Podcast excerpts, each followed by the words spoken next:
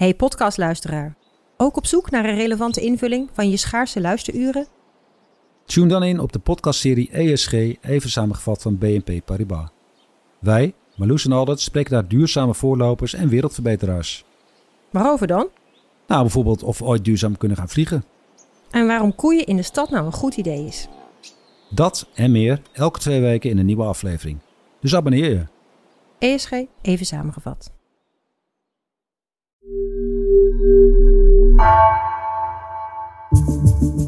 Vanaf de redactie van NRC het verhaal van vandaag. Mijn naam is Egbert Kalsen.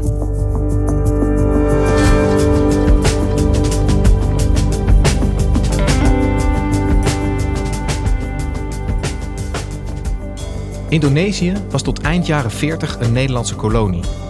De strijd om onafhankelijkheid is lang en gewelddadig geweest. Een zwarte bladzijde in de Nederlandse geschiedenis waar de politiek zich jarenlang liever niet mee bezighield, vertelt Frank Vermeulen. Vandaag worden de resultaten van een uitgebreid onderzoek naar het geweld in die oorlogsjaren gepresenteerd. Wat is er precies gebeurd?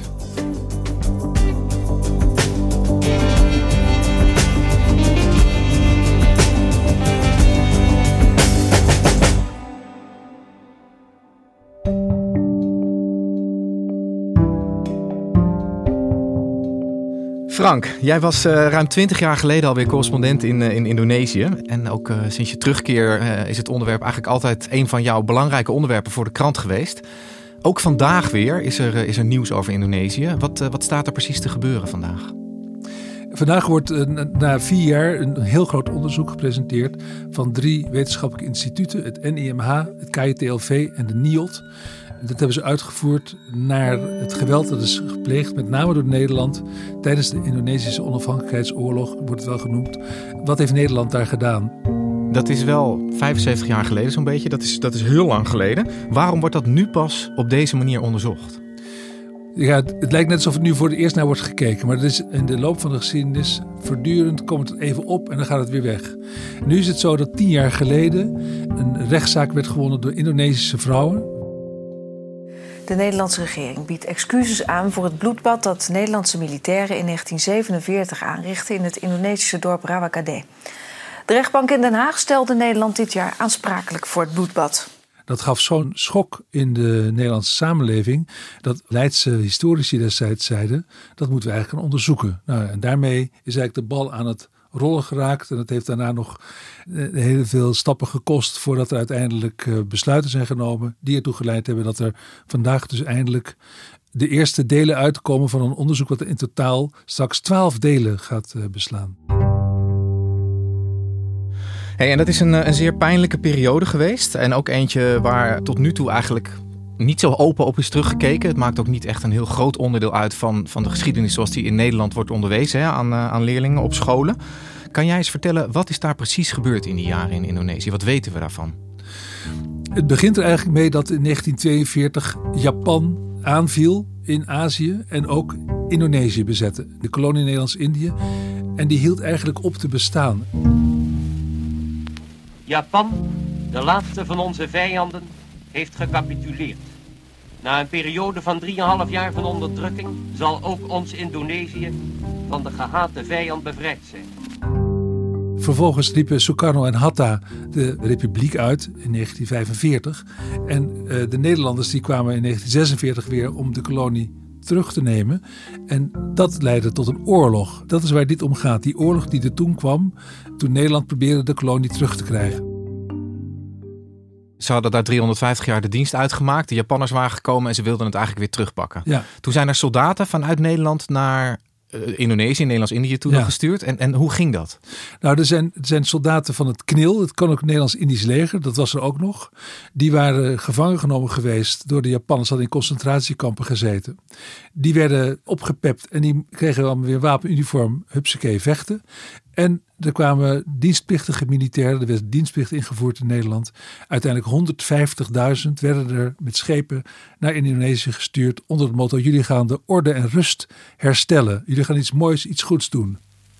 Gij gaat uit, bezield door den vredeswil van het Nederlandse volk.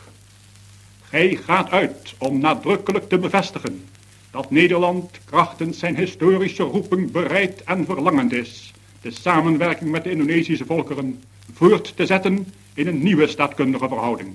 En ze kwamen terecht in een soort groene hel. Waarbij ze moesten vechten tegen een guerrilla-vijand. Dus mensen die zich verstopten tussen de bevolking. En alle middelen gebruikten om die Nederlanders weer het land uit te krijgen.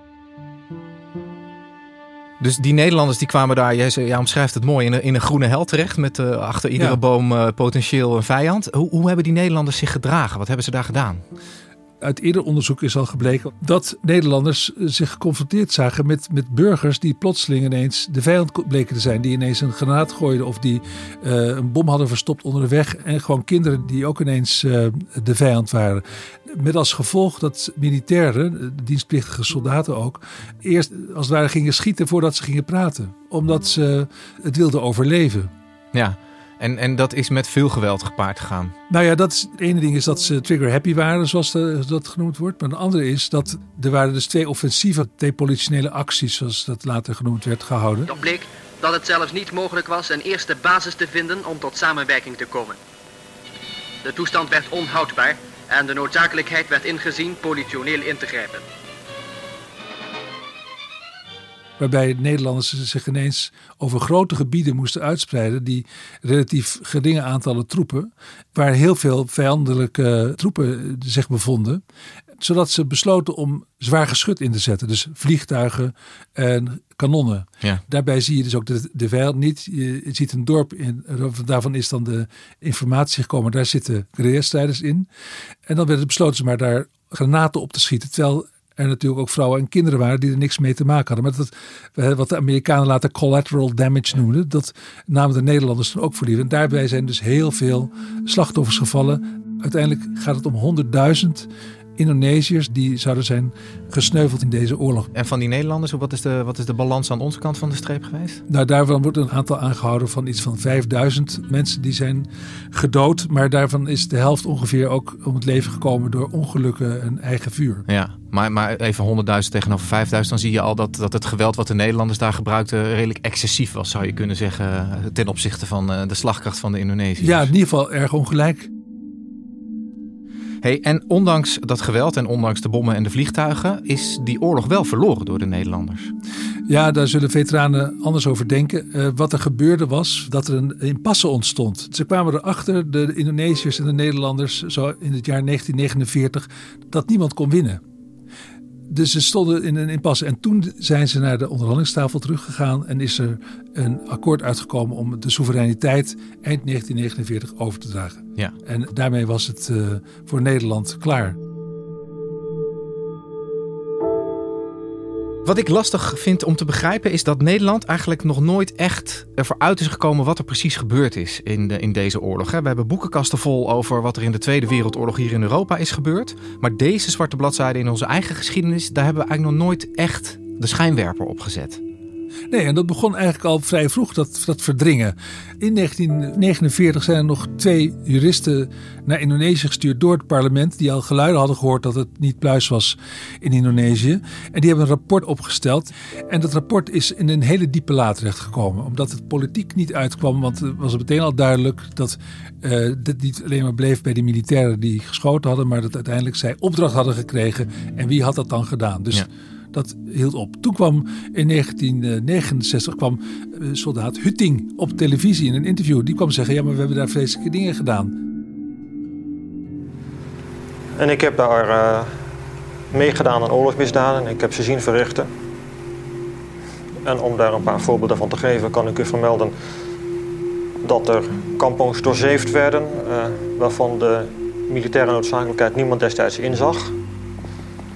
Dat er verhoren plaatsvonden waarbij eh, op een afschuwelijke manier gemarteld werd. Waarvan ook de militaire noodzaak moeilijk eh, aan te tonen zal zijn. Nederland schrok. Vervolgens besloot het kabinet om onderzoek te laten doen. Dat hebben ambtenaren keurig gedaan. Die hebben een lijst opgesteld van allerlei vreselijke dingen die er gebeurd zijn. Excessen waren dat, Ja. zei het kabinet de Jong. in Uitzonderingen, geen 1990. structureel Ja, geweld. ja. Dus eh, nee, ze zeiden zelfs met zoveel woorden. eh, Nederlandse militairen hebben eh, over het algemeen correct opgetreden. En er zijn 60 excessen geweest. Nou, toen kwam er nog een boek uit in 1970 van twee sociologen. Die eigenlijk al zeiden van het was structureel. Maar daar was niemand die er naar luisterde. Ja, dus, dus in de loop der jaren is er wel degelijk een heleboel naar boven gekomen. Maar zie ik het dan goed dat het ook aan de politieke bereidheid heeft ontbroken al die jaren om dit echt te willen uitzoeken? Ja, dat, dat had er natuurlijk ook mee te maken dat in de samenleving uh, weinig belangstelling was. En voor zover er belangstelling was, dan waren het bijvoorbeeld veteranen. En die hadden eigenlijk niet zo behoefte aan om te worden weggezet als een stelletje oorlogsmisdadigers. Dus de, de lobby van de veteranen, bij met name het ministerie van Defensie, die was vrij sterk om het daar niet over te hebben. En dat hoor je nu terug ook van politici in Den Haag. Dat het ook vanaf tien jaar geleden eigenlijk voor zorgde dat de initiële roep van historici, we moeten uit gaan zoeken wat daar gebeurd is, werd afgeremd door dat soort vrees. En bovendien was er ook in Indonesië niet zoveel behoefte om de tegels op te lichten. Het beeld wat in Indonesië bestaat eh, van die geschiedenis is ook anders dan die geweest is. Ze hebben ervan gemaakt, de militairen hebben samen met het volk de kolonialen eruit geschopt. En wij hebben alleen maar helden, geen slachtoffers. Dat beeld. En daarbij past niet er was ook nog een burgeroorlog tegen de communisten. Er was een burgeroorlog tegen de moslims, wat op dit moment helemaal gevoelig ligt. Dus het was aan beide kanten, in Nederland en Indonesië, zoiets van: uh, laten we het gewoon niet over hebben. We kijken allemaal vooruit. En wat was dan in de Nederlandse politiek het kantelpunt? Wanneer is zeg maar, het parlement en het kabinet, wanneer zijn die omgegaan? Nou, dat is in de, uh, zeg maar tussen 2012 en 2016 gebeurd. De allergrootste klap die kwam was de oorspronkelijke rechtszaak uitspraken van de Indonesische vrouwen, weduwen, van mannen die vermoord werden in het dorp Rawagede. En uh, publicitair gezien was van uh, Remy Limpach, een Zwitsers-Nederlandse onderzoeker, die kwam met een onderzoek. En daarin staat uh, dat er sprake was van structureel extreem geweld als onderdeel gewoon van koloniaal beleid. Ja. En dat was de klik, want toen zat er ook een minister in Den Haag, Koenders, en die zei: Was er niet een onderzoeksvoorstel? Moeten we daar niet eens nog naar gaan kijken? Ja, want die drie instituten die jij in het begin noemde, die hadden al een tijd lang de wens om dit helemaal tot op de bodem uit te zoeken. Ja, ze hebben in uh, 2012 hebben ze samen een uh, artikel geschreven in de Volkskrant van laten we dat eens een keer gaan onderzoeken. Toen is vanuit de Kamer uh, geantwoord door de oppositiepartijen D66, SP met name, GroenLinks ook, van dat moeten we doen. En ze hebben jaar na jaar hebben ze amendementen ingediend en moties. En eerst uh, het tweede kabinet Rutte met uh, Frans Timmermans als minister van Buitenlandse Zaken. Die zeiden nee. En dat was ook vanwege de vrees voor de Indonesiërs die, die niet mee zouden willen werken. En dan zou je niet het hele verhaal kunnen vertellen, was de gedachte. Uh, hij is ook naartoe geweest in Indonesië. Dus hij heeft, hij heeft gewoon Rawagede bezocht. Hij is het gesprek aangegaan ook ja, daar. hij is het gesprek aangegaan. Toen zijn we in maart 2016 naar uh, Indonesië gegaan. Want ik als minister van Buitenlandse Zaken gewoon een bilateraal bezoek. Daar heb ik toen een bezoek met opzet gebracht aan Rawagede. Ja. Dat is dat dorpje in Oost-Java. Daar zag je van, er zit hier ook haast bij. We hebben toen die, nog een paar van die weduwen gesproken, ben in dat dorpje geweest. En daar is de herinnering echt, echt springlevend. Toen draaide eigenlijk iedereen om. Toen was het politiek wel mogelijk. Toen kwam er geld van, uh, van Buitenlandse Zaken met name om het onderzoek te doen.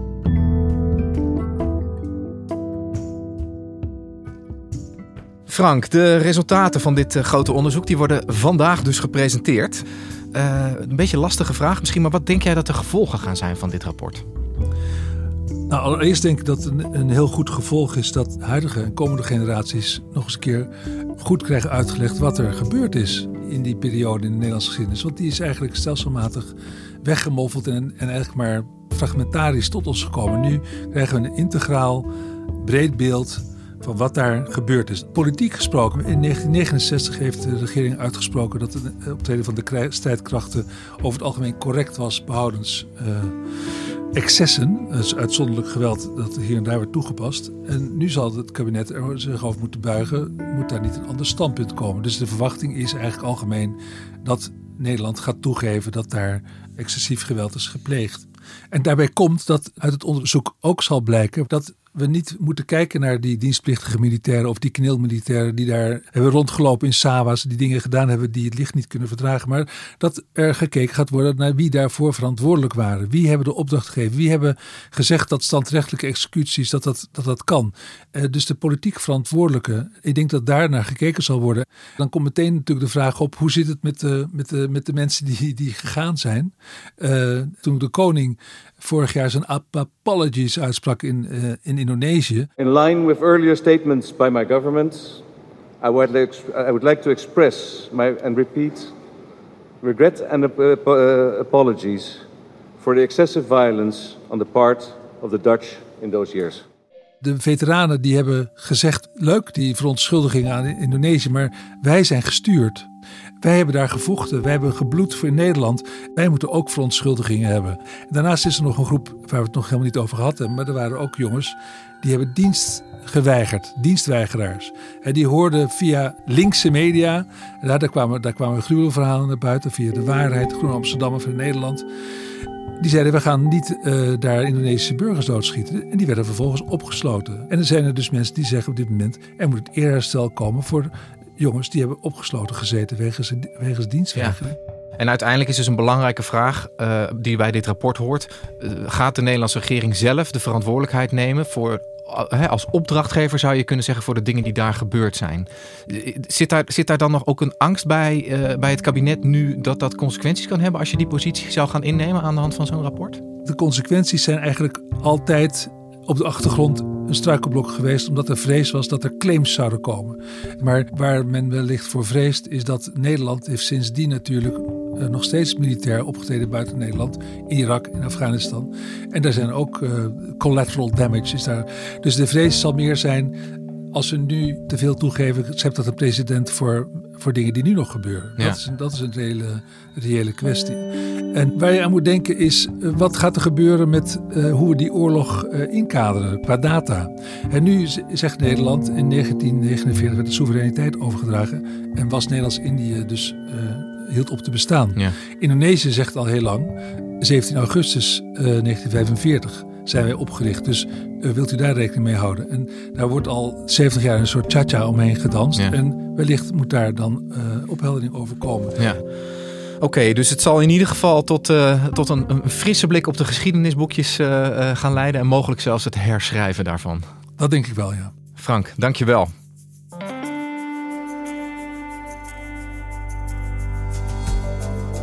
Je luisterde naar vandaag, een podcast van NRC. Eén verhaal, elke dag. Deze aflevering werd gemaakt door Allegria Ioannidis, Ruben Pest en Bas van Win. Dit was vandaag, morgen weer.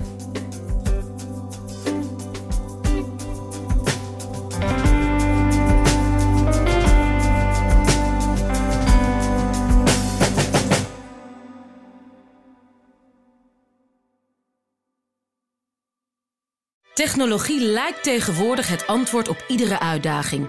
Bij PwC zien we dit anders. Als we de potentie van technologie willen benutten, kunnen we niet zonder een menselijk perspectief. Human-led, tech-powered noemen we dat. Ga naar pwc.nl.